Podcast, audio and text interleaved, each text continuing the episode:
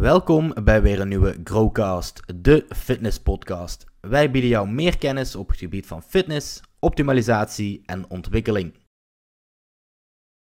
Nou, welkom uh, Marleen. Dankjewel Shelly. Wij uh, werken al een tijdje samen. En ja. uh, ik vind ook de reden dat we samenwerken wel heel erg mooi. En vooral ook de gedachten erachter. En um, we hebben natuurlijk samengewerkt naar een fotoshoot shape. En ja, wat ik zeg, de gedachten daarachter vond ik echt uh, bijzonder mooi. En ik denk ook heel krachtig, de message die jij daarmee wou overbrengen. Dus vandaar dat ik jou ook wou uitnodigen voor de Growcast. Om jouw boodschap ook met meerdere vrouwen te kunnen delen. Dus ja. uh, dat is ook waar we vandaag naar gaan kijken. En um, zou je jezelf ook even kort willen voorstellen, Marleen? Ja, zeker. Ik uh, ben Marleen, ik woon in Veldhoven. Ik ben 31 jaar en uh, verloofd sinds vorig jaar. Um, nou ja, ik, ik uh, ben inderdaad het hele traject met jou aangegaan vanwege enkele redenen die voor mij heel belangrijk zijn. En waarbij ik ook hoop dat andere vrouwen vooral daarin een bepaalde boodschap mee kunnen krijgen. Um, uit ja, eigenlijk mijn hele traject. Um, Ik heb er natuurlijk heel veel uitgeleerd, maar ik hoop dat ik dat ook aan andere vrouwen, met name vrouwen, um, kan, uh, ja, kan delen. Dat zij daar ook iets aan kunnen hebben. Ja, ja mooi. Nou, wij zijn uh, heel erg benieuwd naar wat dat uh, gaat zijn. Dus ik ben ook wel benieuwd. Hè? Je hebt je op een gegeven moment aangemeld voor online coaching. Wat was jouw eerste verwachting daarbij of wat hoopte je daaruit te halen? Um, mijn verwachting was vooral dat ik um, toen ik ben gaan zoeken van goh, um, ja, waar wil ik dan mijn coaching, was voor mij heel belangrijk dat het stukje mindset werd meegenomen. ik kan wel bepaalde fysieke uh, doelen voor mezelf stellen, maar als mijn mindset daar niet mee wordt genomen, dan heb ik het gevoel dat ik heel erg ver van mezelf afga en wat ik zelf in de afgelopen jaren heel erg heb geleerd, is dat ik heel erg bij mijn gevoel moet blijven. En dat ik vanuit mijn gevoel moet handelen. Dus ik ben heel erg gaan zoeken van oké, wat is nou een coaching wat bij mij past? En daarin kwam Grow Coaching eigenlijk heel sterk naar voren. Dat zij niet alleen maar kijken naar dat fysieke doel. Want je kan wel een fysiek doel hebben als afvallen, maar ja, er komt zoveel meer bij kijken. En jouw mentale gesteldheid daarin is zo belangrijk. En ja, ik vond dat Grow Coaching dat heel sterk ook uh, adverteerde. Gewoon naar de, naar de buitenwereld van dat is juist heel belangrijk. En misschien nog wel belangrijker dan jouw hele fysieke doel die jij daarachter hebt. En dat is voor mij de reden dat ik wel bij Grow Coaching me heb aangemeld. Ja, ja, ja mooi. Ja, en daarin ja, ben ik natuurlijk hè, met jou eens. Mindset is uh, super belangrijk. Want ook al heb je een prachtig figuur, maar als jij mentaal niet lekker in jouw vel zit, of hè, het komt doordat jij bijvoorbeeld geen gezonde relatie hebt met voeding, dan ga je al, alsnog gewoon niet super voelen. Weet je hoe goed je er ook uitziet. Hè? Van binnen voelt het dan toch niet goed. Dus, uh, ja, en dan denk ik ook van, ben je dan ooit wel tevreden? Hè? Ondanks dat je misschien dan werkt naar dat fysieke doel, ja. ben je dan wel tevreden als je mindset inderdaad niet goed, goed is? Of, of ja. op het juiste level op dat moment? Ja, ja. Ja, dus uh, nee, daar kan ik me inderdaad in vinden. Oké, en uh, ja, je had je dus aangemeld via de website en je had een, uh, wel een ja, gericht doel. Hè? Je wilde graag naar een fotoshoot toe werken. En ja. kan je mij daar misschien wat meer over vertellen? Want waarom specifiek een fotoshoot? Um, ik, ja, ik train eigenlijk al behoorlijk lang. Als ik kijk naar waar dat vandaan komt, is dat vanuit mijn uh, militaire achtergrond denk ik heel erg ontwikkeld. Uh, daar sport je natuurlijk heel veel en daar heb ik ook heel veel passie gekregen voor het sporten op zich.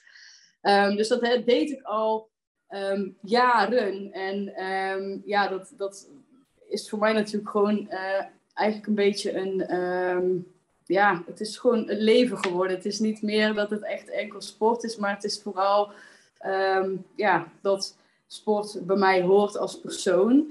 Um, dus ja, dat, dat was denk ik voor mij al het, het belangrijkste. Alleen omdat er een periode van ziek zijn tussen is gekomen, um, merkte ik dat de fitness, um, ja, dat, dat, dat ik dat ook anders wilde gaan benutten, zeg maar. Dus ik, ik zat al heel erg in die wereld waarin je ziet van, hé, hey, er gaan mensen een, een podium op. mensen willen op die manier um, wedstrijden gaan doen. Dat zie je natuurlijk nu ook heel veel. Dat heel veel meiden, ook mannen, hè, natuurlijk dat doel hebben om het podium op te gaan. Wat ik zelf een heel mooi doel vind. Ik denk dat dat ja, weet je, het vraagt zoveel van je, zoveel discipline en je moet daar zo gestructureerd naartoe werken. Dat vind ik zelf een heel mooi, mooie manier om, om met jezelf zeg maar, aan de slag te gaan. Um, ik wilde dat ook en ik wilde eigenlijk wel hetzelfde ervaren, net zoals een, een hele wedstrijdprep. Alleen ik wilde het niet afsluiten met een wedstrijd. Uh, voor mij was een wedstrijd niet mijn einddoel, want Um, ik zag het als dat ik niet wilde concurreren tegen andere vrouwen, omdat ik eigenlijk al concurreerde tegen mezelf. Uh, omdat ja, het is ontzettend zwaar en je moet heel diep gaan, wil je dit uh, bereiken. En dat vond ik al een wedstrijd op zich. En um, omdat ik natuurlijk een heel ander doel erachter had zitten met de fotoshoots, en wat ik zo meteen nog wel verder nog uit zou leggen. Maar dat was voor mij veel belangrijker. Dus Um, ik wilde wel het helemaal ervaren, vanaf uh, de bulk, de cut tot aan de fotoshoots. Um, maar ik wilde niet het podium op, want ja, het was voor mij al een winning uh, om, uh, om, de, om die fotoshoot neer te zetten. Ja, ja, heel mooi. En ik denk dat daarin ook wel echt een hele krachtige boodschap zit. Hè? Het is een wedstrijd of een uitdaging die ik met mezelf uitga, aanga. En niet per se daarin willen vergelijken met andere vrouwen of daarin nog tegen strijden. En ik denk dat dat, dat vind ik zelf ook het mooiste element, zeg maar, van een fotoshoot of een wedstrijd of wat dan ook. Ja, zelf kies ik ook altijd bewust voor een fotoshoot, omdat eigenlijk hè, deel ik daar heel erg in jouw mening. Ik doe dit voor mezelf. Ja. En uiteindelijk wil ik gewoon trots zijn op de shape die ik heb neergezet en het traject wat ik er naartoe heb bereikt. En niet per se daarin ook nog beoordeeld worden door iemand anders. Want ik wil gewoon het echt voor mezelf doen. Dus heel mooi dat je dat ook zelf uh, zo ziet. Oké, toen je dat doel voor je had, van oké, ik wil naar een uh, wedstrijd toe uh, werken. Had je al een bepaald idee van hoe dat zou gaan verlopen? En kwam die verwachting overeen met hoe het daadwerkelijk is gegaan? Ja, want um, ik, ja, omdat je best wel veel um, van de fitnesswereld al wel afweten. Je ziet er een hoop, je praat met een hoop mensen. Ehm, mijn vriend zelf die heeft uh, wedstrijden gedaan. Dus uh, ja, je weet heel goed hoe zo'n zo'n zo'n ehm, ja, zo'n hele prep eigenlijk loopt. En ja, het, ik wist dat we gingen beginnen met een stukje opbouwen, hè, spieropbouw. Je staat op een bepaald, althans hoe mijn shape er op dat moment voor stond, wist ik dat ik gewoon ook kon starten met een bulk. Um, dus we zijn eigenlijk gewoon gaan opbouwen totdat wij eigenlijk samen uh, wisten van hé, hey, we zitten op een goede shape, we hebben behoorlijk wat opgebouwd. Um, we hebben ook in kracht hebben we natuurlijk een hoop opgebouwd, want dat was voor mij ook wel heel belangrijk dat ik niet alleen ja, die spiermassa zou gaan krijgen, maar ik wilde er ook wel gewoon als vrouw zijn, wilde ik ook gewoon sterk worden en uh, voelen dat mijn lichaam ook sterk is. Uh, gewoon um, alleen al om je dagelijkse activiteiten te doen. Voelen dat je daar geen belemmering in krijgt. Voelen dat alles gewoon goed gaat. Ehm, ja, eigenlijk dat gezonde gevoel wat je er eigenlijk ook van krijgt. Dat, dat hebben we natuurlijk ook heel erg gekregen in die hele fase. Ehm, en dat was ja, eigenlijk boven verwachting zelfs. Je weet, ja, je weet niet zo goed.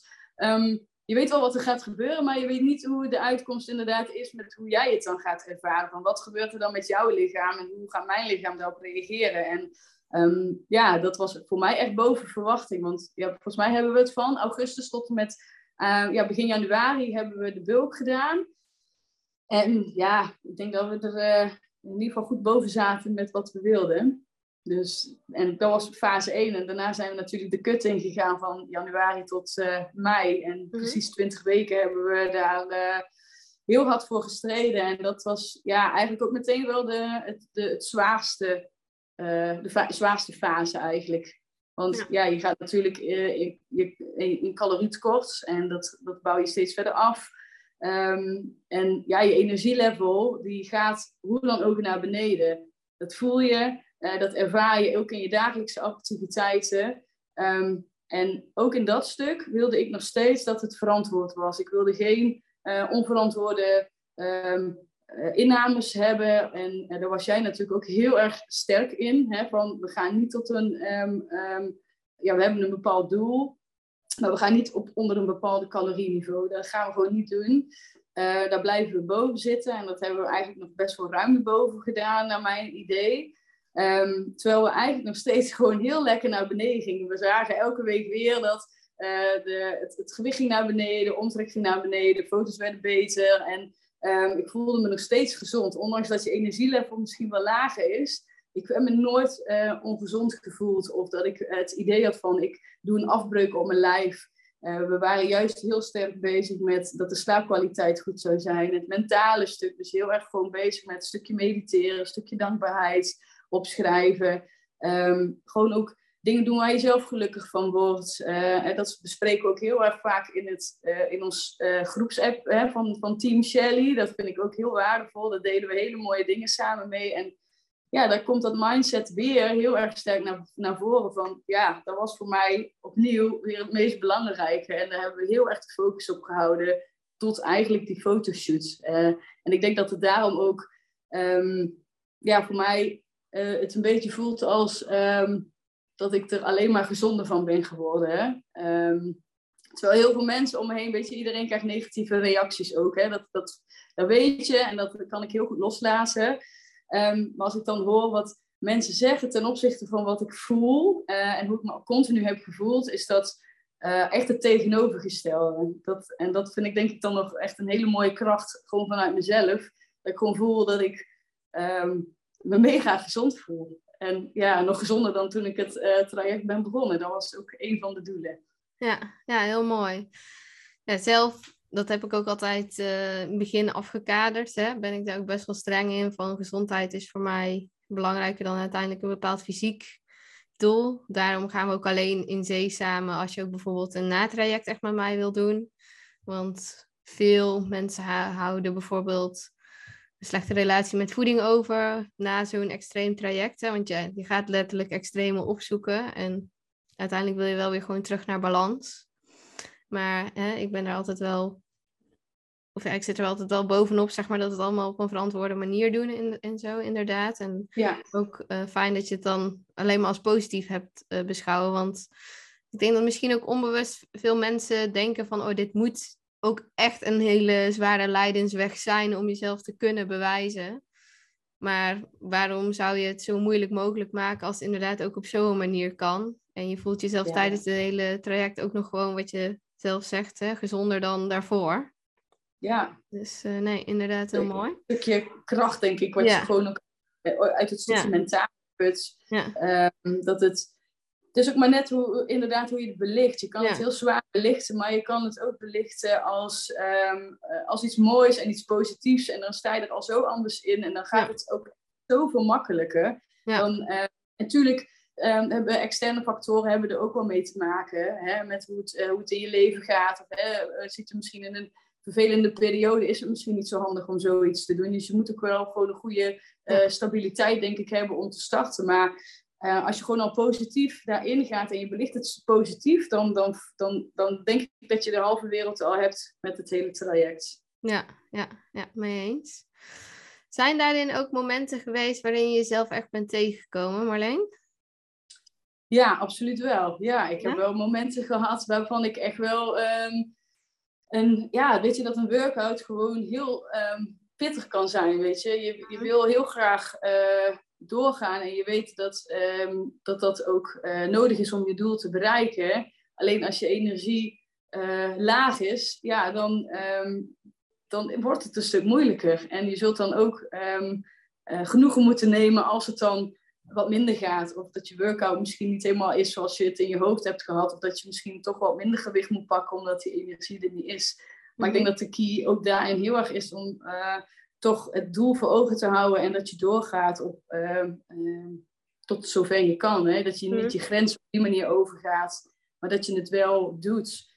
Um, en thuis ook met voeding. Ja, weet je, tuurlijk uh, heb ik ook zin om allemaal lekker dingen te eten en uit eten te gaan en op het feestje van alles tot me te nemen. Maar ik kan het wel doen, alleen ik weet voor mezelf dan ook dat ik het doel wat ik voor ogen heb niet ga bereiken als ik dat blijf doen. En ja, dan is mij de afweging uh, van welke keuze maak ik dan. Want het is niet dat ik mezelf dingen afneem of dat ik me iets niet gun. En het is voor mij een keuze. Ik maak bewust de keuze om te zeggen van nee, ik kies juist nu voor de, uh, de voeding die mijn lichaam nodig heeft. Uh, en ook de hoeveelheid, net zoals voldoende groente, dat ik, niet, dat ik me in ieder geval verzadigd voel.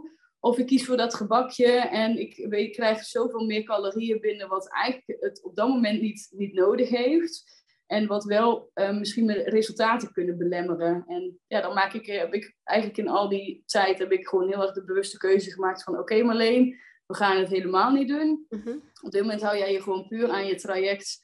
En daarna is uh, de moment van weer kunnen genieten van ook de andere dingen er. Maar je hebt nu een doel, daar wil je naartoe werken. En daar gaan we voor. En dan is het gewoon een stukje discipline waarin je je gewoon toe zet. En niet uh, dat ik me dingen heb uh, misgund of me heb verboden, zeg maar. Dat is gelukkig ook nooit het gevoel dat ik heb gehad in die tijd. Ja, ja. ja dat vind ik ook altijd belangrijk dat je zeg maar, met die mindset erin gaat. Hè, van je mag alles. Want zodra je zelf restricties op gaat leggen, ja, dan wordt het niet leuk. En waarschijnlijk maak je jezelf alleen maar moeilijker daarmee. Hè, dus ik zeg ook altijd van het zijn keuzes die je maakt. Hè? Korter termijn doen versus langere termijn doen. En daarbinnen mag je alles. Dat helpt altijd enorm. Maar ook wat jij benoemde, hè, waarom je dit traject aangaat. Dat is wat ik zelf heb ervaren. Dat dat misschien nog wel het belangrijkste is. Hè, als je zo'n moment hebt waarin je jezelf tegenkomt of waarin het echt enorm zwaar is, dat je voor jezelf even weer je why naar boven haalt van waarom je dit doet. Dus wat is voor jou jouw belangrijkste waarom geweest, Marleen? Um, ik ben um, enkele jaren geleden ben ik um, ja, eigenlijk een beetje slachtoffer geweest van een bepaalde ziekte die ja, er eigenlijk is geweest door een keuze die ik heb gemaakt. Mhm. Ehm, in 2017 heb ik namelijk uh, borstimplantaten laten plaatsen. En uh, dat heb ik gedaan omdat ik um, als meisje zijnde eigenlijk altijd vrij onzeker ben geweest over mezelf. Ik heb nooit grote borsten gehad en dat was voor mij echt een heel groot issue. Um, ik heb daar echt, ik denk, tien jaar mee gelopen met dat gevoel dat ik um, mezelf ook daarin niet kon accepteren. Ik voelde heel erg een onzekerheid, een schaamte. Ik durfde ook eigenlijk zelfs in mijn eigen huis durfde ik niet gewoon rond te kunnen lopen naakt, uh, omdat het me heel erg in de weg zat. Ik durfde, ik wilde mezelf ook helemaal niet naakt zien. Um, daarin voelde ik me redelijk oké als ik een push-up BH droeg. Uh, maar zodra het uit moest of ik moest gaan zwemmen, ja, dan voelde, je, voelde ik me heel erg ellendig. En ja, hoe meer je ook op social media ging kijken, hoe meer het ook naar voren kwam. Hoe meer borsten je zag, hoe meer ja, de grootte werd eigenlijk alleen maar meer. Um, je, ja, het werd ook alleen maar bloter, dus je kon er ook niet omheen. Het, het was gewoon zo aanwezig dat ik heel erg het gevoel kreeg van oké, dit, dit is het. En dit maakt mij um, straks niet meer onzeker. Dan mag ik er zijn en dan mag ik me voelen zoals ik me wil voelen. En Ehm, ik heb in 2017 die keuze gemaakt om ze te plaatsen. En um, nou ja, goed, dat heeft. Het was, natuurlijk, ik was blij, heel blij. Ik had, toen ik uh, ze had en ze waren op een gegeven moment gesetteld, was ik, uh, kon ik niet blijer zijn. Het waren mijn borsten en het mocht gezien worden. En ik, ja, het, het, en het, het, het, viel op, ja, weet je, dat is logisch, hè, want het is natuurlijk behoorlijk uh, wat wat er in één keer voor hangt, voor, ja, in plaats van wat je daarvoor had. Mm um, maar, maar, ja, eigenlijk werd ik toch al wel snel um, soort van ziek. Ik, mm ik um, kreeg in één keer wat, ja, best wel veel depressieve klachten en ik kon ze eigenlijk helemaal niet uh, begrijpen waar dat nou precies vandaan kwam. Mhm. Ik had wel een aantal issues en dingetjes die ik uit het verleden moest verwerken. En daar was ik ook heel goed mee aan de slag gegaan. Maar op de een of andere manier bleef er altijd een hele donkere wolk boven hangen. Waar ik eigenlijk, ik kon het niet plaatsen waar dat van kwam. En eigenlijk werd het daarna van kwaad tot erger. Ik begon lichamelijke klachten te krijgen. Uh, waarbij ik heel vermoeid raakte. Ik uh, kreeg hartkloppingen. Ik kreeg heel veel pijn om mijn borst.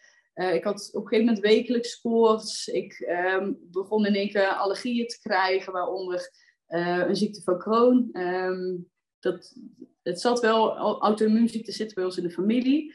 Uh, dus blijkbaar kan het sneller uh, ontwikkelen. Maar ja, die tijd ben ik wel de ziekte van Crohn gaan ontwikkelen door eigenlijk ook de implantaten. Um, En daardoor, ik kon ook op een gegeven moment, ik kon zelfs niet meer tegen pleisters waar ik op reageerde. Tampons kon ik niet meer. Het, was uh, op een gegeven moment een opstapeling van zoveel. Ik begon te nachtzweten, nachtmerries. Uh, het, ja, ik, kreeg heel veel spierpijn overal, uh, knopen, blessures. Um, en het werd van kwaad tot erger. En ik, omdat het op zoveel verschillende plekken zat, weet je op een gegeven moment niet van, ja, waar komt dit vandaan? Hoe kan dit dat ik overal op reageer? En um, iemand die heeft me erop geattendeerd van, joh, heeft het niet met je borstimplantaten te maken? Toen waren we al uh, jaren verder. Uh, en toen had ik zoiets van, ja, wat een onzin, dat, dat, dat zal wel niet. Uh, nooit iemand mij verteld, dus ik, ik geloof dat niet. En um, nou ja, daar heb ik toch later, ben ik daar research naar gaan doen. En op het moment dat je dan op Google gaat zoeken naar implantaten en ziek zijn, dan ga je in één keer een hele andere kant zien van de borstvergroting en implantaten. Want dat gaat, ga je niet vinden op het moment dat je zegt, ik wil een borstvergroting. Dan zie je die wereld niet op uh, Google voorbij komen.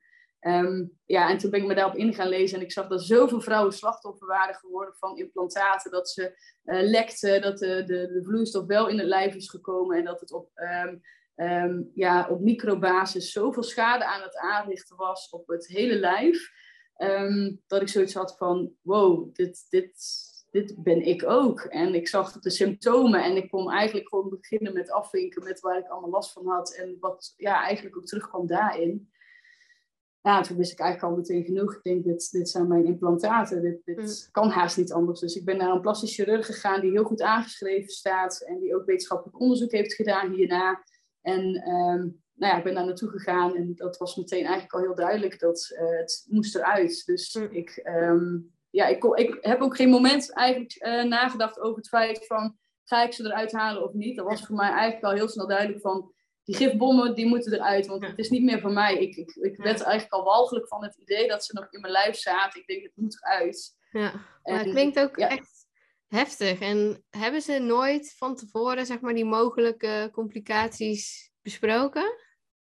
Nee, meestal, ehm, op het moment dat je dan naar zo'n plastische chirurg gaat, die is um, ontzettend enthousiast. Misschien nog wel enthousiaster dan dat ik zelf oh. ben, want die heeft zoiets van, ja, weet je, dit is weer kassa en uh, die, uh, deze meid die wil heel graag haar implantaten. Mm -hmm. dus ja, je wordt alleen maar ge, met, oh je wordt een mooiere vrouw, je krijgt zo meteen echt borsten, dan ben je echt een vrouw. En zo wordt er heel erg op je ingepraat. En um, ja, ze, ze, laten op een gegeven moment de implantaten ook zien. En dan um, laten ze ook echt een demonstratie van, kijk, hè, je kan ze doorknippen, zie je, het lekt niet, het kan niet in je lichaam inkomen. Dus je bent heel erg overtuigd van, oh nee, dat kan inderdaad niet. Dus dan komt het ook wel goed. Ik hoef me daar geen zorgen om te maken. Het kunnen alleen de complicaties van de operatie, hè, die er wel bij zitten, maar niet van de implantaten zelf. Alleen wat er niet bij wordt vermeld, is dat door, uh, ja, weet je, het is geen lichaams-eigen uh, stof. Het is, het is, een voorwerp wat je erin plaatst. Dus jouw lichaam gaat meteen kapselen, dat gebeurt.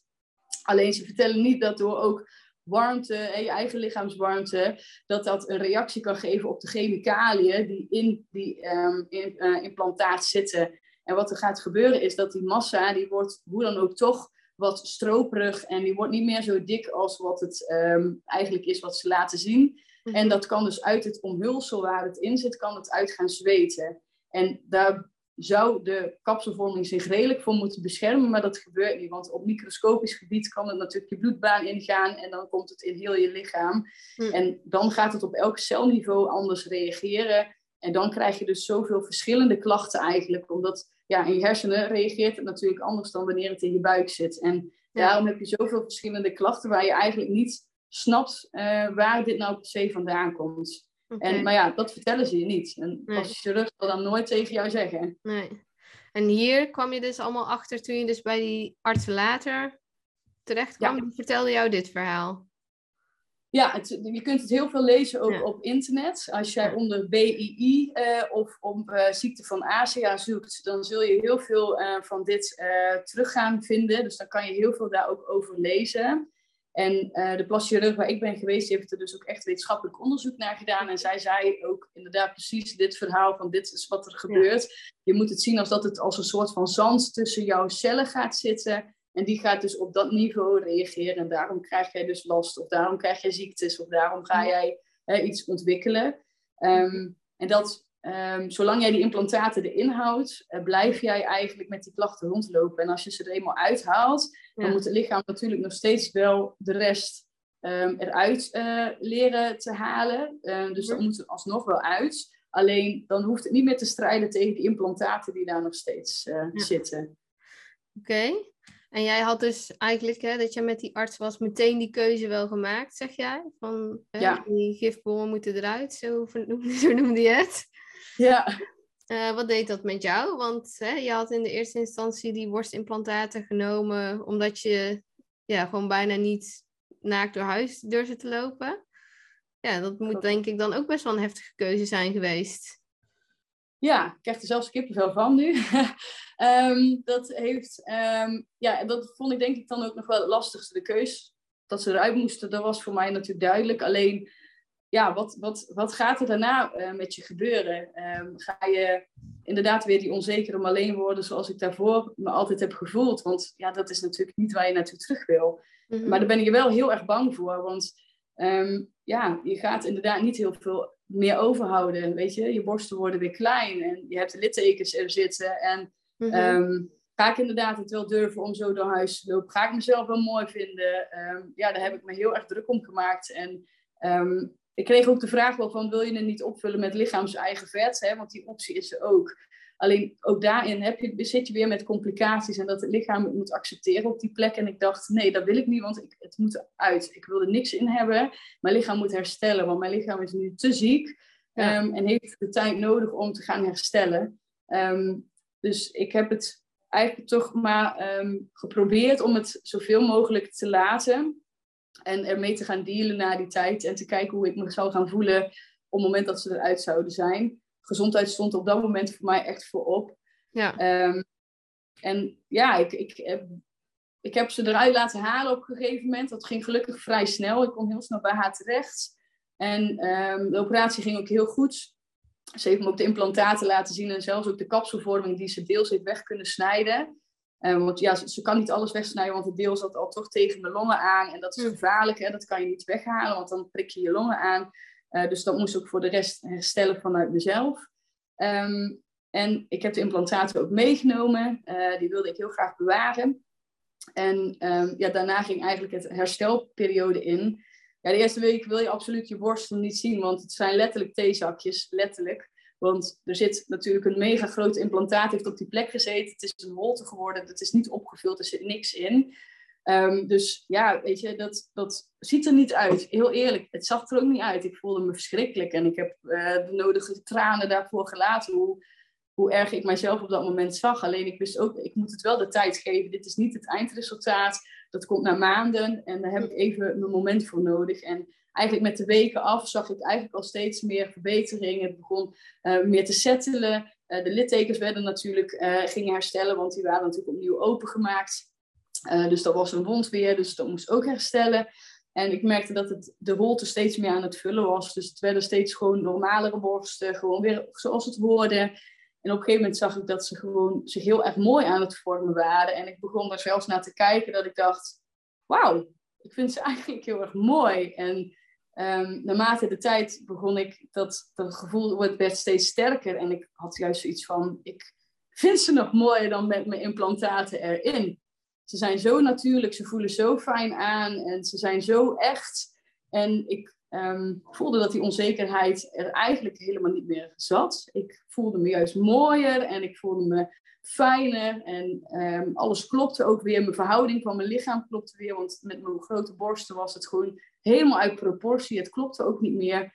En ja, het, het, ik zag mezelf weer terug. En uh, alleen dan wel op een manier dat ik mezelf daadwerkelijk kon accepteren. En dat was voor mij, uh, ja, dat was voor mij denk ik zo'n grote winactie. Dat was voor mij zo fijn om niet um, onzeker door het huis te lopen. Ik bedoel, ik loop nu kan springen door het huis.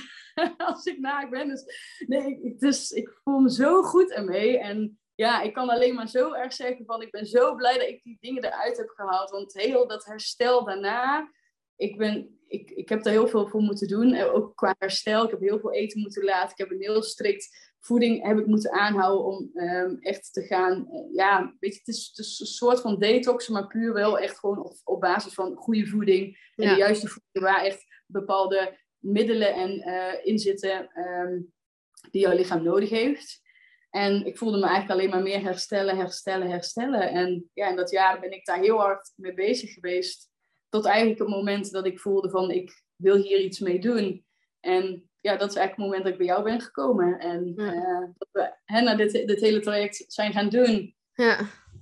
Um, ja, die implantaten heb ik natuurlijk niet voor niks bewaard. Die uh, heb ik bewaard voor de fotoshoot. En uh, die hebben we natuurlijk heel mooi kunnen inzetten. Ja, ja ik vind het echt een prachtig verhaal. Hè? En ook als ik jou er zo over zie vertellen, zie ik ook jouw mimiek veranderen. En hè, dat het ook echt veel met je heeft gedaan.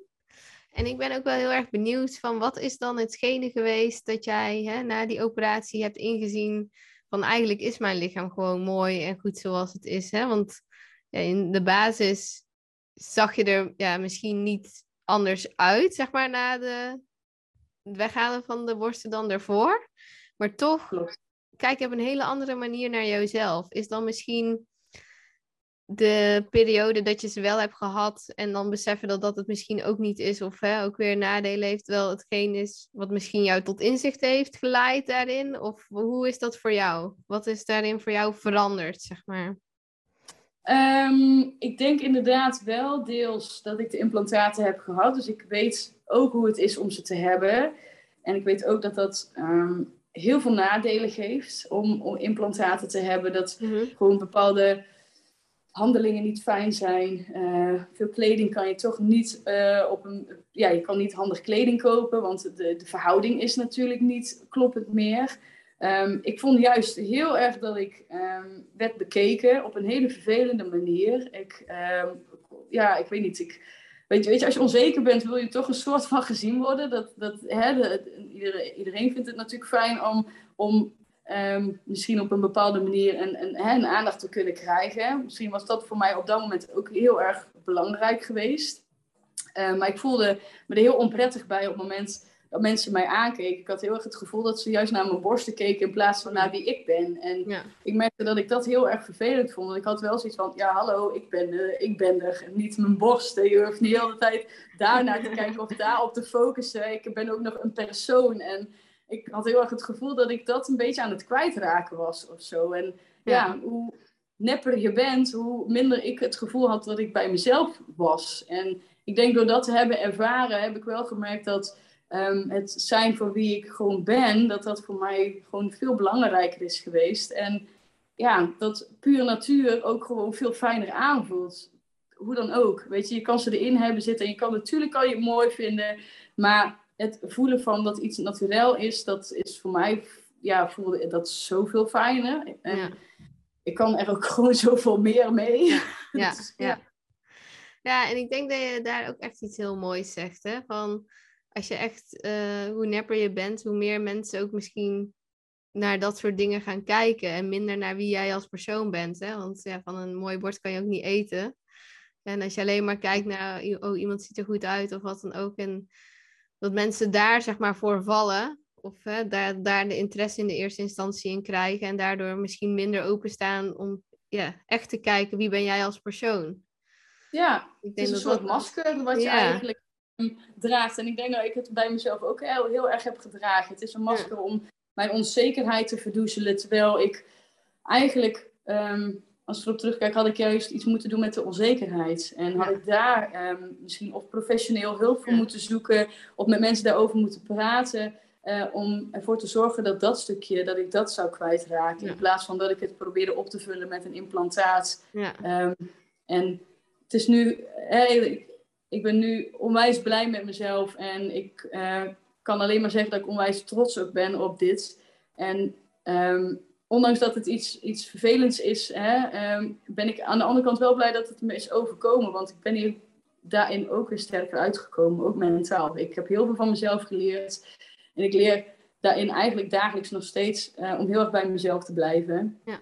En dat leer ik ook door middel van onze coaching, want dat helpt mij daar ook heel erg bij. Hè, want daar zijn we nog steeds heel erg mee bezig. Um, ja, dat vind ik ook gewoon heel fijn. Dat ik mhm. vooral uh, zoekende ben naar wie, wie ben ik en mhm. wat wil ik en mhm. wat wil ik in het leven. En dat, dat um, ja, daar ben ik wel heel blij mee. Ja, ja super. En ja, ook wat jij zegt. Hè, uh, ik zeg ook, weet je, het zit allemaal in je hoofd. Hè, dat je een bepaald idee hebt van, oh, ik zou moeten veranderen of wat dan ook. Het zit allemaal in je hoofd. Dus hè, wat je zegt, misschien was het krachtiger geweest als ik gewoon naar die onzekerheid had gekeken. Maar ja, dat is altijd makkelijker gezegd uh, achteraf. Absoluut, dat is altijd makkelijker ja. Wat ik uh, ook heel erg mooi vond aan jou, is dat ook tijdens de coaching heb je ook benoemd van tijdens dit proces, ik heb mijn lichaam zien veranderen en ik, heb, ik ben verliefd geworden op mijn lichaam in iedere shape. Dat vond ik ook echt iets heel krachtigs. Kan je daar misschien wat meer over vertellen? Ja, zeker. Um, ik, ja, je weet eigenlijk op het moment dat je hè, dit, dit traject aangaat, dat je best wel veel fases gaat krijgen met hoe je lichaam eruit komt te zien. En um, ja, je gaat natuurlijk ook, uh, zeker in de bulkfase, ga je groeien. Hè? Je gaat je spiermassa aanmaken, maar dat gaat hoe dan ook niet zonder dat je ook hè, wat vet gaat aankomen. Hoe dan ook, dat, dat voorkom je niet. Dus je weet ook dat dat in de spiegel teruggezien gaat worden. Maar um, het, het heeft mij nooit um, belemmerd en ik heb het ook nooit op die manier gezien. Ik vond het altijd mooi. Ik zag gewoon de, de verandering met wat ik, um, wat ik deed met mijn lichaam. Dat zag ik terug en dat, dat was ook een heel mooi proces. Uh, je ziet het groeien, je ziet het uh, groter worden. Uh, maar ook um, daarin met dat je, ja, je misschien wat, wat, wat voller eruit ziet, heb ik me altijd heel erg mooi gevonden. En als je dan kijkt juist dat je dan op een gegeven moment die andere kant op gaat, dan zie je juist weer die andere kant van verandering. Je ziet in één keer hè, dat hetgene waar je dan zo hard voor werkt, dat komt in één keer naar boven. En uh, dat zie je in één keer op de voorgrond. En ja, dat proces is helemaal intens gaaf om te zien. Het is zo mooi om jouw lijf um, in alle fases te zien veranderen. En wat je lichaam ook gewoon toe in staat is. Ook gewoon in die, die periode van augustus tot en met mei hebben we zoveel fases gezien. En ja, ik vind het gewoon zo mooi dat je lichaam dat gewoon ook gewoon kan. Hè? Dat hij daar gewoon toe in staat is. Dat is mhm. echt heel erg mooi. En daar mag je ook van houden. Je mag ook van dat stukje van jezelf houden. Van, uh, dat, je dat, um, dat je dat mag ervaren. Ja, ik vind het onwijs gaaf. Ja, ja mooi. En als je ook hier zo over vertelt, dan zie ik je ook uh, stralen. En ook met, ja, volgens mij echt heel ja. liefde naar je eigen lichaam kijken en er naartoe spreken. Ja. Uh, je hebt ook al benoemd, hè, van uh, in de coaching hebben we bijvoorbeeld heel erg gefocust op ja, voeding, hè, maar bijvoorbeeld ook mindset en dat soort dingen. Wat zijn voor jou belangrijkste inzichten geweest tijdens het proces? Um, ik denk vooral het um, uh, aanleren van bepaalde routines. Mm -hmm. En routines om um, ja, je planning zeg maar op, over de dag, dat dat, dat voor jou prettig loopt. Mm Maar ook dat je een soort van geluksmomentjes voor jezelf creëert en ervaart. Hè? Net zoals dat we heel erg, je hebt heel erg vaak gehamerd op het feit van hè, dankbaarheid mag je uitspreken, dat is heel belangrijk. Um, en ja, daar ben ik mee aan de slag gegaan. En in het begin doe je het omdat je, het, het, omdat je, ja, je krijgt het te horen. En dan, moet je, dan weet je weet nog niet of je dat zo gaat ervaren. Maar als je inderdaad gewoon je er netjes aan houdt om dat elke avond op te schrijven, dan ga je op een gegeven moment inderdaad echt voelen dat het wat doet. En dat je echt inderdaad merkt van, hé, hey, ik ben inderdaad echt dankbaar daarvoor. En ik vond het inderdaad heel fijn dat mij dit is overkomen. En um, dat soort dingen moet je de tijd geven. En ja, weet je, het wordt, het wordt je niet voor niks aangeleerd in je coaching. Uh, daar, daar is een reden voor. En dat is net zoals met uh, meditatie of visualisatie, wat wij natuurlijk ook veel, veel hebben, ehm, over hebben gehad en wat belangrijk is. Als ik nu kijk met, ehm, ik kon jaren daarvoor, heb ik het voor mijn gevoel niet gekund. Dat dacht ik altijd. En daar ben ik gewoon beter mee aan de slag gegaan middels onze coaching. En als ik nu kijk wat voor profijt ik daaruit kan halen en hoe fijn meditatie is, of zo'n visualisatie, wat dat met je doet, ja, dat, dat, is, dat, dat kan je niet beschrijven. Dat moet je gewoon ervaren. Dat is zo'n mooi proces. En ik mhm. denk dat zulke routines, mezelf aanleren door middel van dit coachingstraject, dat dat voor mij heel waardevol is, want ik blijf dit ook doen. Ik blijf die dankbaarheid opschrijven, ik blijf hem slaap belangrijk vinden, een stukje wandelen, in de natuur zijn, het mediteren. Al die dingen, dat is niet iets wat ik um, loslaat op het moment dat onze coaching-traject uh, op zou zitten. Dat is iets wat gewoon nu mij is geworden. Dit is eigen. Ja. ja, dat is ook waar ik altijd wel op focussen, een stukje gewoontevorming. En ook daarin, hè, na zo'n strikter traject, dat we daarin ook gewoon echt stevige gewoontes hebben gevormd, zodat je niet na die fotoshoot in een soort zwart gat of zo terechtkomt, hè, maar dat je nog steeds weet van, oh, dit staat mij te doen om goed voor mijn lichaam te zorgen en om mij goed te voelen. En dat dat niet zeg maar het enige is in je leven waar we naartoe werken of wat dan ook. Hè? Want ja, fitness is onderdeel van jouw leven. Hè? Je doet dit met een heel mooie achterliggende gedachte. En het hoeft daarin ook niet jouw leven helemaal over te nemen. Hè? Dus door ook bijvoorbeeld die andere gewoontes te hebben, merk je ook dat je daarin nog een stukje, ja, denk zingeving en ook gewoon jezelf goed blijft voelen. Dus uh, ja. mooi dat je dat uh, zo ervaart, Marleen. Absoluut. Ik denk uh, dat er echt een hele ja, krachtige boodschap hierachter zit. En ik denk eerlijk dat veel meer vrouwen hier ook op de hoogte van zouden mogen zijn. Want ik vind het best wel zorgwekkend dat als je dan naar zo'n plastisch chirurg gaat, dat inderdaad het helemaal wordt verheerlijkt. En ik vind het best wel heftig dat ook wordt gezegd van ja, als je die borsten hebt, dan mag je je weer helemaal vrouw voelen. Dus ja. Ik denk hè, dat wat jij nu probeert te verspreiden, zeg maar, met als boodschap, ja, echt wel meer gehoord mag worden in de wereld. Dus ik wil je sowieso ook echt heel erg bedanken voor dat je dat hier wilde delen. Ja, geen probleem. Is er sowieso nog een boodschap wat jij aan de luisteraars mee wilt geven? Uh, ja, ik, ik um, ben en ik hoop vooral dat vrouwen uh, die heel erg overwegen om een, uh, um, ja, een, een, borstvergroting te gaan doen, dat die um, heel erg goed nadenken over wat de reden is waarom ze dit willen. En of er niet een ander deel aangepakt moet worden voordat ze deze overweging zouden maken. En of ze wel daadwerkelijk weten wat uh, voor schade het kan aanrichten. Van, ben je echt op de hoogte van wat je gaat doen? Um, en wat voor consequenties dat met zich mee heeft genomen. Want als, ik wist het niet. Ik wist het niet. Niemand heeft mij dit van tevoren verteld. En um, ik had gehoopt dat ik iemand had die mij dit had verteld. Want dan had ik de keuze kunnen maken om het niet te doen. En ik hoop dat vrouwen hiermee uh, toch gaan uh, beter research gaan doen. En willen ze daarna nog steeds, is het iemands eigen keuze. Maar ik hoop daarin eigenlijk dat vrouwen daarin kunnen zeggen van ik heb het inderdaad niet nodig en ik mag blij zijn met mezelf en ik mag meer zelfliefde hebben en dat vrouwen vooral kijken naar dat stukje en dat ze, um, want iedere vrouw mag er zijn, iedere vrouw is mooi vanuit zichzelf. En je hoeft je niet te laten veranderen door middel van um, uh, siliconen of iets anders neps aan je, dat is niet nodig, je bent puur um, jezelf. En wees ook blij met jezelf. En ik hoop dat vrouwen daar vooral heel erg uh, zich op willen gaan focussen, dat dat de de boodschap is naar hun toe.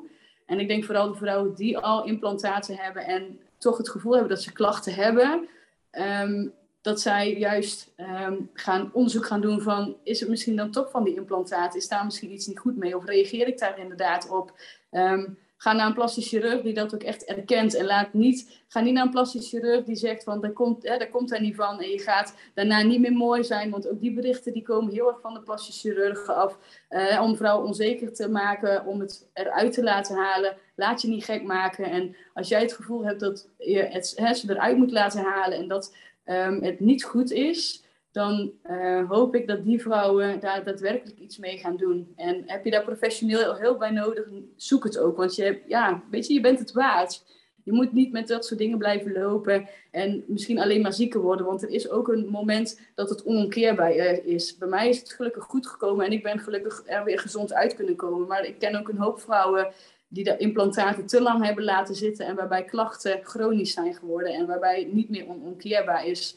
En op dat punt wil je niet komen. Je wil op tijd daarin die beslissing maken. Dus ik hoop dat ik vrouwen daarin kan bereiken om er goed over na te denken en ook echt een overwogen beslissing te gaan nemen om ze er dan misschien toch uit te laten halen. Ja, ja. ja heel mooi. Echt, uh, je hebt me wel enorm geraakt uh, met je verhaal en ik zal hierin vast niet de enige zijn. Dus uh, Marleen, ik wil jou heel erg bedanken voor het delen van jouw verhaal, voor jouw eerlijkheid en jouw openheid. Heel graag gedaan. En ik vond het een uh, heel mooi gesprek. En ik denk ook echt hè, dat je met deze boodschap, ook al is het maar één iemand die je misschien toch aan het denken zet of zo, dat dat wel echt impact kan maken. Ja, ik ben al blij als ik inderdaad één persoon al daarmee kan helpen. Dan heb ik mijn, is mijn doel in ieder geval bereikt. Ja. En Ehm, ik, er komt uh, nog een verhaal, hè, die, die komt nog online. Uh, dus mensen kunnen het verhaal ook nog teruglezen met ook um, ja, een fotoshoot daarbij. Um, Dus als, ja, zodra die klaar is, dan uh, wordt dat ook nog in ieder geval een moment dat mensen dat kunnen, kunnen lezen. Zeker, en als dat zover is, dan deel ik dat ook met veel liefde. hou, hou die kanalen in de gaten. nou, Marleen, nogmaals enorm bedankt. En ja, ik vond het een heel leuk gesprek en ik hoop de rest ook. Dus uh, dankjewel ja. dat je aanwezig was. Ja, jij ook bedankt Shelly sowieso hè, voor ons hele traject uh, met alles wat jij voor mij hebt gedaan. En um, ook voor de vrouwen die daarover twijfelen. Het is het echt, echt heel erg waard om hiermee aan de slag te gaan. Dus ja, ik, ik kan je alleen maar onwijs bedanken voor alles wat jij voor mij doet. Uh, en hoe erg je hier mij in hebt gesteund. En ook boven verwachting het uh, hebt kunnen bereiken met mij, wat ik eigenlijk ook voor ogen had. Dus ja, daar ben ik jou intens uh, dankbaar voor. Oh, nou, super mooi compliment. Uh, waardeer ik ook echt enorm. Ja, super bedankt Marleen. En dan gaan we bij deze ook de podcast afronden. Marleens verhaal komt binnenkort nog online. Zodra daar meer over is, dan wordt dat ook gedeeld met een link erbij. En uh, ja, ik hoop dat jullie ook wat hieraan hebben gehad, wat uit kunnen halen. Ik in ieder geval wel. En uh, ja, nogmaals bedankt Marleen dat je aanwezig was. Ja, heel graag gedaan.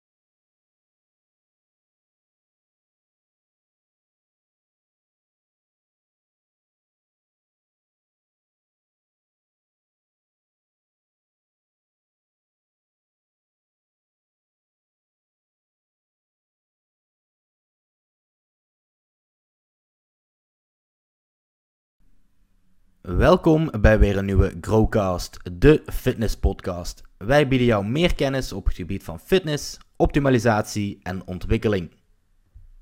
Mijn naam is Shelly en ik ga jullie vandaag vijf tips meegeven over hoe je per direct meer discipline kan ervaren.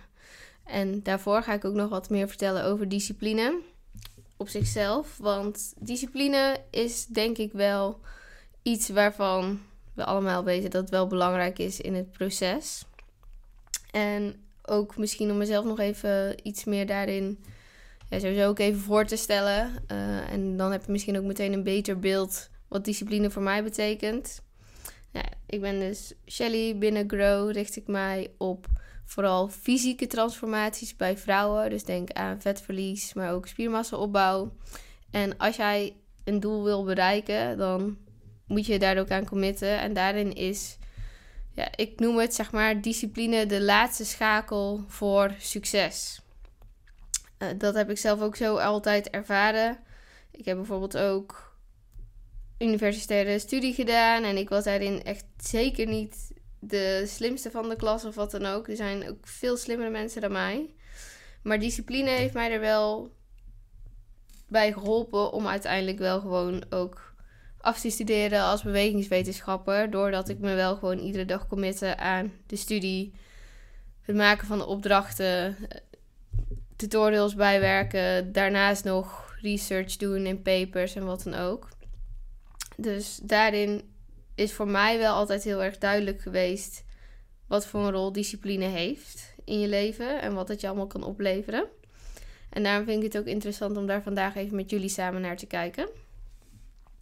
Want zoals ik al zei, zie ik discipline als de laatste schakel voor succes. Als je graag iets wil, je wil erg succesvol in worden of wat dan ook, dan begin je vaak met het stellen van een doel. Je hebt iets voor ogen, iets wat je uiteindelijk wil bereiken. En achter dat doel is eigenlijk de volgende stap je drijfveer. Want waarom wil je dit doel bereiken?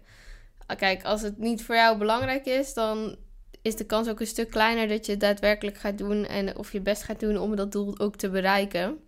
Terwijl als jij een grote drijfveer erachter hebt, hè, iets is voor jou echt heel erg belangrijk, ja, dan ga je waarschijnlijk ook veel meer manieren zoeken om dat doel daadwerkelijk te bereiken.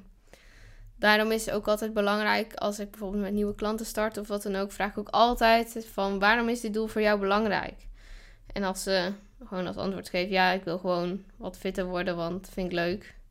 Dan denk ik dat al heel anders een traject eruit gaat zien dan wanneer iemand zegt van ja, ik wil gewoon echt in de shape van mijn leven komen, want ik wil me gewoon op mijn allerbest voelen. Ik wil gewoon zelfverzekerd in mijn kleding de dag doorkomen. Goed voelen iedere dag. Veel energie hebben.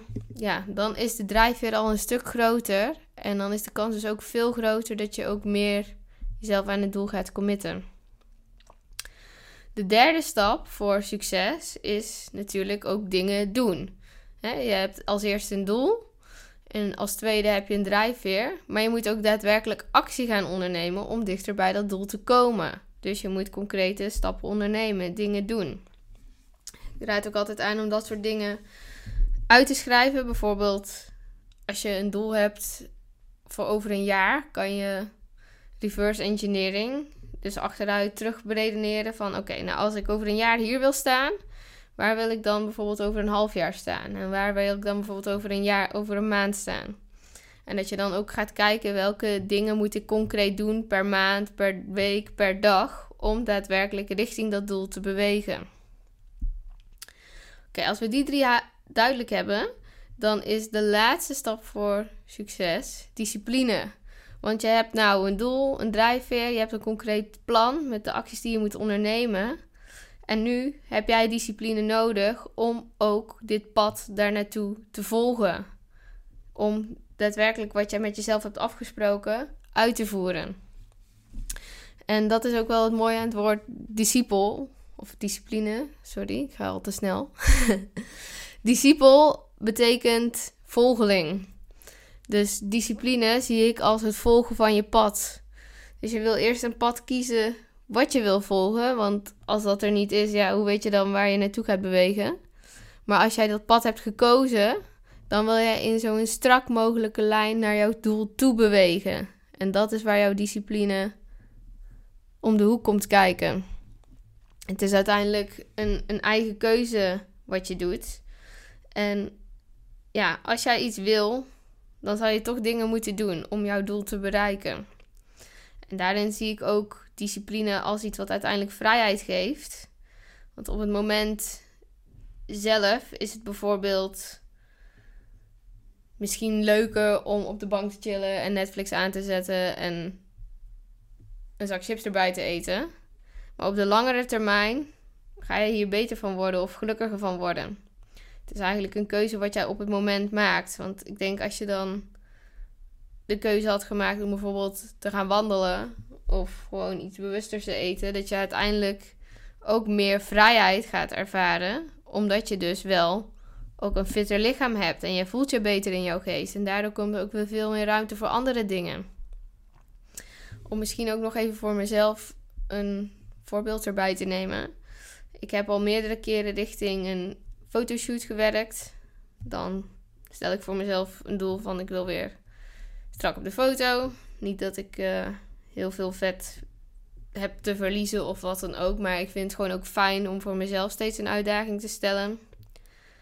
En dan kies ik dus bijvoorbeeld een shoot. Want uh, bijvoorbeeld ook een wedstrijd, een bodybuildwedstrijd, ja, dat past niet helemaal bij mij.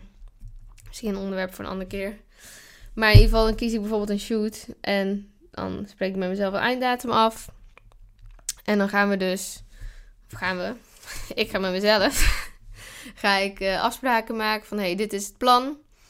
Dit zijn de dingen die ik moet doen. En dan is het aan mij om dat plan ook daadwerkelijk uit te voeren. En ja, bij mij gaat er dan een soort van knop om van ik heb helder waarvoor ik het doe. Dus mijn drijver is heel groot. Ik weet exact wat ik moet doen. Als ik me er niet aan hou, de enige die ik ermee heb, is ben ik zelf. Want hè, ik lever nu misschien een stukje vrijheid in. Dus dat ik bijvoorbeeld even iets consistenter ben met mijn voeding. Misschien net even iets meer ga wandelen. Net iets vroeger naar bed ga. Maar ik weet wat ik er uiteindelijk wel voor terugkrijg. En dat is wat ik, zeg maar, denk het belangrijkste inzicht vind. Want dat heb ik bijvoorbeeld ook met werk. Van ik werk liever nu heel hard zodat ik later geen geldzorgen heb of wat dan ook. Dat geeft mij uiteindelijk die vrijheid op de langere termijn. Dus uiteindelijk wil je gewoon een pad volgen en laat je daar niet te veel van afleiden. En als je dat wel, wel eens gebeurt, hè, we zijn natuurlijk mensen, geen robots. Dan is het denk ik ook weer aan jou om zo snel mogelijk weer terug op dat pad te komen. Want uiteindelijk discipline zelf is niet echt sexy. Het is, het is moeilijk inderdaad om vroeg je bed uit te komen en weet ik veel, s ochtends te gaan wandelen of iedere dag te gaan sporten of bewust te eten. Dat is echt niet makkelijk. Maar de resultaten van discipline, die zijn wel sexy. En die creëren het leven van wat jij echt wil.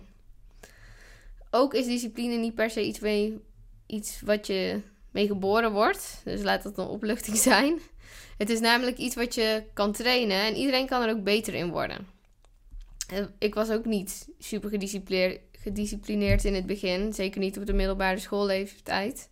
Toen, uh, ja, ik denk als je mijn ochtendroutine toen zag, ja, dat, had ik überhaupt niet eens. Ik kwam rond een uur of twaalf uit bed en uh, toen ging ik gewoon uh, chillen. En rond drie uur of zo ging ik mijn eerste maaltijd eten. En dan zat ik nog steeds in mijn pyjama af en toe.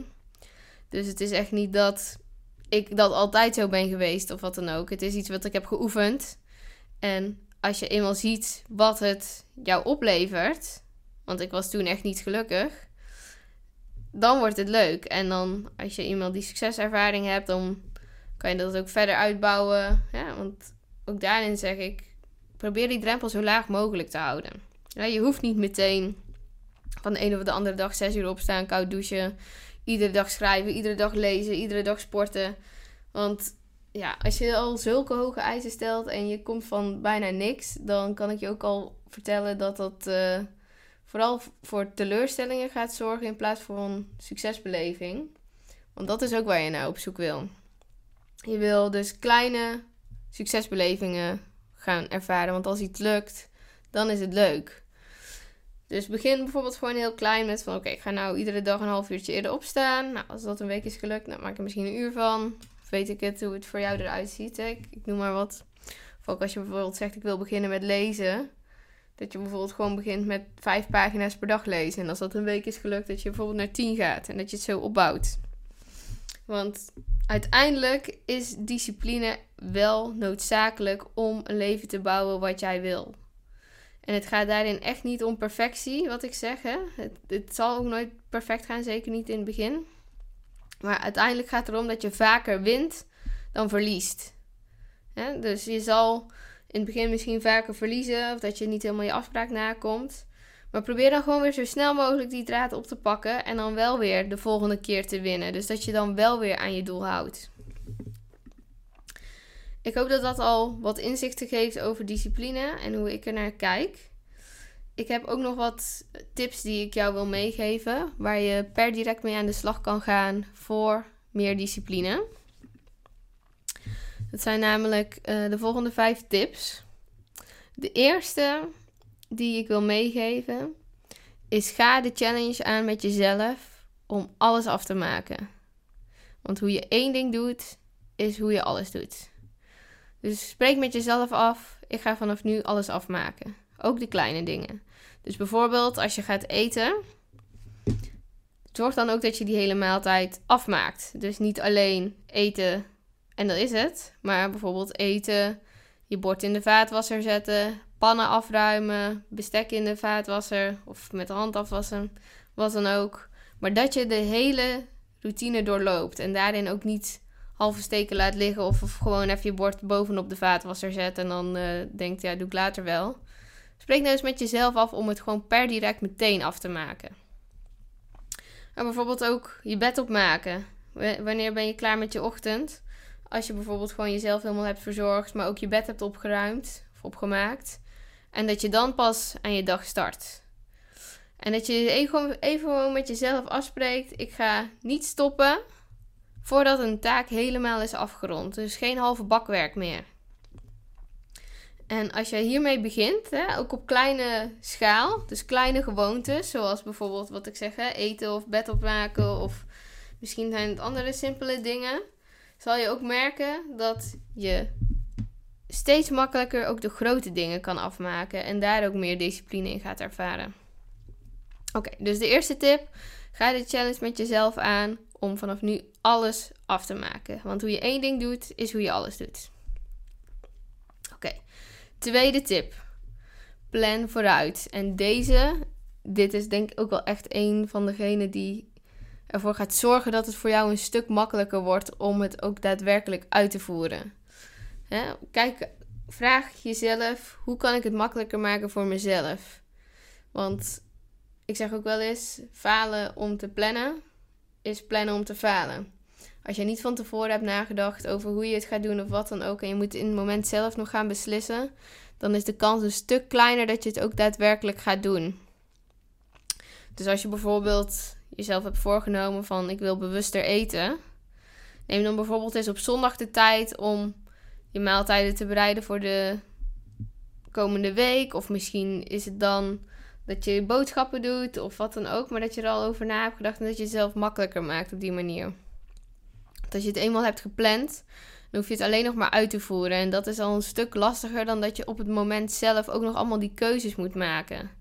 Want je bouwt nou eenmaal gewoon een bepaalde vermoeidheid op in je hoofd. En zeker later op de dag ga je vaak minder bewuste keuzes maken. Want dat zie je ook bijvoorbeeld uh, bij mensen die ja, bewuster willen eten. Als we dat voorbeeld gewoon even aanhouden. Overdag is dat vaak geen probleem en ontbijten lukt vaak ook wel. Maar meestal in de avond komt dan toch die zak chips naar boven. Of dan toch maar even dat extra stukje chocolade of wat dan ook. Want je bent gewoon vermoeider en je hebt dan al minder ja, minder discipline wil ik niet per se zeggen, maar minder. Ehm, ja, minder, je hebt minder controle over de keuzes die je maakt. Dus als je al van tevoren hebt bepaald van hé, hey, s'avonds ga ik gewoon een kwarkje eten met wat fruit voordat ik naar bed ga en dat is het. Ja, dan hoef je niet nog meer te kiezen van oh, ga ik nou chocola doen of ga ik nou chips eten of wat dan ook. Dan maak je het jezelf makkelijker. Dus maak gewoon een planning. Zelf plan ik ook altijd mijn hele week gewoon al vooruit. Ik neem daar op zondag altijd de tijd voor. Schrijf gewoon allemaal afspraken erin. Hè? Wanneer ga ik wandelen? Wanneer ga ik trainen? Wanneer ga ik eten? Uh, wanneer zijn mijn werkafspraken? Wanneer heb ik tijd voor mijn to-do's? Alles is bij mij al van tevoren gepland. Want als ik dit niet doe en ik laat er het lot over, ja, dan weet je niet wat er gaat komen. Het scheelt enorm ook qua energie in je hoofd. Want ja, die keuzes zijn al gemaakt. Je heeft alleen nog maar te volgen. Het volgen van jouw pad. Wat je zelf hebt uitgestippeld. Oké, nou, als we die planning hebben gemaakt, hè, dus tweede tip. Dan is de derde tip die ik wil geven. Richt jouw omgeving in zo, om het jezelf zo makkelijk mogelijk te maken. Dus uiteindelijk heb je toch die keuzevermoeidheid die je een beetje opbouwt. En dan kan het inderdaad lastiger zijn om die discipline nog steeds op te brengen. Maar als jij jouw omgeving al zo inricht dat bijvoorbeeld verleidingen worden verminderd of uit het zicht worden gezet, dan kan het voor jou een stuk makkelijker zijn om jouw doelen daadwerkelijk nog steeds te bereiken. En wat voor mij bijvoorbeeld enorm goed werkt, is ik, mijn telefoon leg ik niet in mijn werkkamer of wat dan ook. Ik heb daar een vaste plek voor in huis, in de gang, in de hal, op een tafeltje. En daar ligt hij gewoon de hele dag. Want als je hem ook al gewoon op je bureau hebt of in het zicht, dan ga je hem toch sneller pakken dan wanneer hij er niet ligt. Dus dit kan je ook toepassen bij andere dingen. Bijvoorbeeld als je zegt ik wil s ochtends vroeg gaan trainen. Nou, leg je trainingskleren bijvoorbeeld al klaar of je sporttas of wat dan ook. Hè? Dat je het alleen nog maar hoeft te pakken. En ook weer bij hè, bewuster eten. Zet bijvoorbeeld dingen uit het zicht of verder in een kast. Of ja, als je het toch niet wil gaan opeten, dan zeg ik gooi het gewoon meteen in de prullenbak. Ja, is misschien zonde, maar het is misschien nog meer zonde als je toch maar die calorieën gaat eten en je achteraf schuldig voelt. Dus ja, maak het jezelf daarin zo makkelijk mogelijk. En ehm, ja, dat is ook, dan zeggen mensen van ja, maar ik moet het ook gewoon zo kunnen. Ja, als er hier in mijn huis een balk heel laag hangt, waar ik iedere keer als ik door mijn huis loop mijn hoofd heel hard aan stoot, ga ik dan ook zeggen van nee, die balk, dat is niet het probleem. Ik moet gewoon leren met die balk om te gaan. Ja, dan ga je ook zeggen van eh, misschien moet die balk toch maar aan de kant of wat dan ook, want ik stoot al twintig keer per dag mijn hoofd. Dus maak het jezelf gewoon zo makkelijk mogelijk, want dan ga je het alleen maar jezelf een voordeel mee doen. En eh, kijk wat jij in jouw omgeving kan doen om dit dus voor jou makkelijker te maken. Het helpt bijvoorbeeld ook om daadwerkelijk uit te spreken wat jouw doelen zijn en jouw intenties en acties. ook bijvoorbeeld naar anderen. Die, dan kunnen hun ook als deel van jouw omgeving jou daar een beetje in accountable houden. En wordt ook meer realistischer. Dus als jij zegt, ik ga vanaf nu drie TikToks per week maken. bijvoorbeeld iets wat uh, een doel is voor mij en waar ik best wel wat weerstand tegen voel. Als ik dat nou uitspreek, ook nu heb gedaan, dan is het toch een stuk realistischer.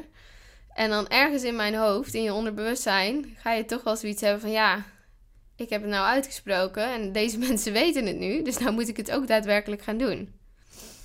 Dus Spreek het ook bijvoorbeeld uit naar je omgeving. En je zal ook merken dat hun dan bijvoorbeeld over een week vragen van... hey, hoe gaat het nou met uh, je TikToks maken of bewuster eten of sporten of wat dan ook. En dan word je er zelf ook weer aan herinnerd.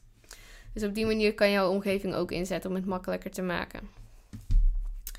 Oké, de vierde tip is realiseren dat het gaat om progressie en geen perfectie. Wat ik ook al eerder zei, hè, het zal misschien niet perfect gaan. Maar het gaat er uiteindelijk over dat je vaker gaat winnen dan dat je gaat verliezen. En veroordeel jezelf dan ook niet als het niet meteen helemaal gaat zoals je wil of wat dan ook.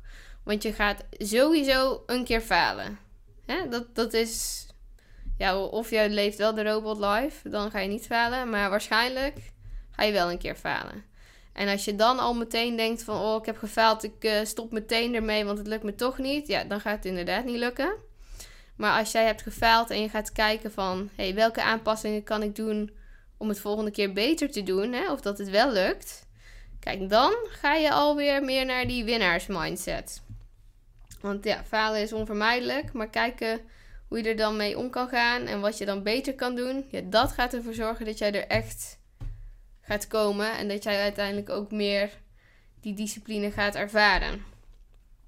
dus realiseer dat het gaat om progressie en niet om perfectie. Oké, de vijfde en daarmee ook laatste tip die ik wil meegeven is beloon jezelf.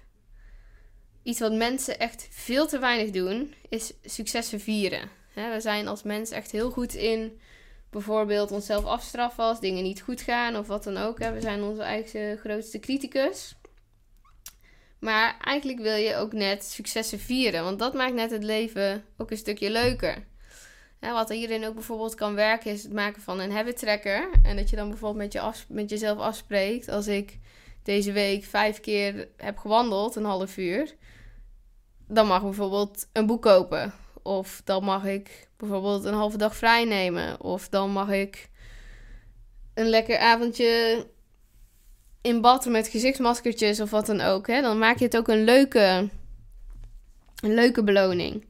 En daarin raad ik, zeg ook bewust nou helemaal niks met eten of zo. Want het is heel belangrijk om jezelf ook te leren belonen. Niet met eten. Want als je alleen eten als beloning hebt, dan, ja, dan wordt het denk ik heel lastig om jouw bewuste doelen. Of ja, gezonder, als je bewuster wil gaan leven, te behalen. Want ja, eten is niet per se beloning. En nog veel andere manieren om jezelf te belonen. Dus ga daar naar kijken van wat is voor jou echt een beloning. En hoe kan je dat toepassen om ook jouw successen daadwerkelijk te gaan vieren. En ik kan het bijvoorbeeld in kleine stapjes doen. Hè? Dus bijvoorbeeld per week of uh, per maand. Maar je kan bijvoorbeeld ook grotere doelen uh, stellen. En daarbij ook grotere successen vieren. En zorg dan dat het ook een beetje een verhouding is. dus dat je bijvoorbeeld zegt van als ik een week lang iedere dag 400 gram groente heb gegeten, dan ga ik een grote wandeling doen in mijn favoriete natuurgebied. Maar als je bijvoorbeeld een, een week, of sorry, als je bijvoorbeeld een maand geen één training hebt overgeslagen, misschien kan je dan een nieuwe leuke sportoutfit kopen. En misschien als je het een jaar hebt volgehouden, de dingen die je wilde, of hè, dat hoeft dan ook weer niet perfect te gaan. Je kan ook bijvoorbeeld met jezelf afspreken als ik 80% van de tijd mijn doelen heb verwezenlijkt. Of 90 of 75, hè, wat daarin voor jou past. Dat je daar een nog grotere beloning aan hangt. Van dan mag ik bijvoorbeeld echt iets uh, heel moois voor mezelf kopen. Of dan gun ik mezelf bijvoorbeeld uh, een vakantie. Of ik weet het niet. Hè? Ik noem maar gewoon wat dingetjes. Maar dat je ook gewoon daadwerkelijk je successen gaat vieren. Want je brein gaat ook echt heel goed op beloningen. En als je dat koppelt aan jouw gewoontes, hè, waar je discipline voor nodig hebt, dan zal je ook merken dat het een stuk makkelijker gaat. Oké, dus nog één keer die tips op een rijtje. De eerste is: ga de challenge aan met jezelf om alles af te maken. Want hoe je één ding doet, is hoe je alles doet. Hè? Dus focus op alles afmaken, ook de kleine dingen. De tweede tip is plan vooruit. Maak een planning. Zorg ervoor dat je al hebt nagedacht over hoe je het gaat doen, zodat je het alleen nog maar hoeft uit te voeren. En dat je geen keuze meer hoeft te maken wanneer je vermoeid bent. De derde tip is: kijk naar hoe je jouw omgeving kan inrichten om het jezelf zo makkelijk mogelijk te maken. Dus verminder verleidingen, maar bijvoorbeeld ook zet positieve dingen meer in het zicht. Dus bijvoorbeeld snackgroentes voorin in de koelkast en minder bewuste dingen achter in de koelkast. De vierde tip is realiseer dat het om progressie gaat en niet om perfectie. Ga voor vaker winnen dan verliezen. Want falen ga je sowieso. Accepteer dat en ga gewoon met als doel erin: ik ga vaker winnen dan verliezen. En de laatste tip is beloon jezelf. Vier ook daadwerkelijk je successen. Denk daarover na wat voor jou een beloning is die in verhouding staat met jouw doel zodat het ook echt leuker wordt om jouw doel te bereiken en je eraan te houden. Dat waren de tips die ik wou meegeven. Ik hoop dat je wat hebt geleerd van deze podcast. Wat meer over discipline of, en ook hoe je het kan toepassen in jouw leven. Mij heeft enorm geholpen en ik werk ook nog steeds grotendeels op deze methode. Ik kijk ook wat ik steeds kan doen en ook, ik heb ook wat concrete tips meegegeven die ik toepas om mijn doel uiteindelijk te bereiken en daarin genoeg discipline te ervaren. Maar het is uiteindelijk ook gewoon iets wat je, ja, wat ik zei, wat je kan trainen en moet oefenen. En hoe vaker je dat doet, hoe makkelijker het gaat. En ja, nu is het bij mij gewoon eenmaal, als ik een doel stel, ik maak een plan en dan gaat er een soort knop om en dan doe ik het gewoon. Want ik weet waar ik het voor doe. Dat is ook altijd een stukje korter termijn plezier ten opzichte van langer termijn plezier. Wat ik ook dus zei, hè? discipline geeft uiteindelijk vrijheid. En dat is iets wat ik altijd in mijn achterhoofd hou. En wat voor mij makkelijk maakt om ook daadwerkelijk die discipline op te brengen. En hoe vaker je daar ook die succes in gaat ervaren, dus hoe vaker je gaat winnen dan verliezen, hoe meer zelfvertrouwen jij er ook in gaat krijgen en uiteindelijk ook meer discipline kan gaan opbrengen. Ik wil je enorm bedanken voor het luisteren. Mijn naam is Shelly. Mocht je nog vragen hebben, mag je me ook altijd een berichtje sturen. En ik vond het heel leuk dat jullie hebben geluisterd. En hopelijk weer bij de volgende podcast zien we je terug. Doei doei!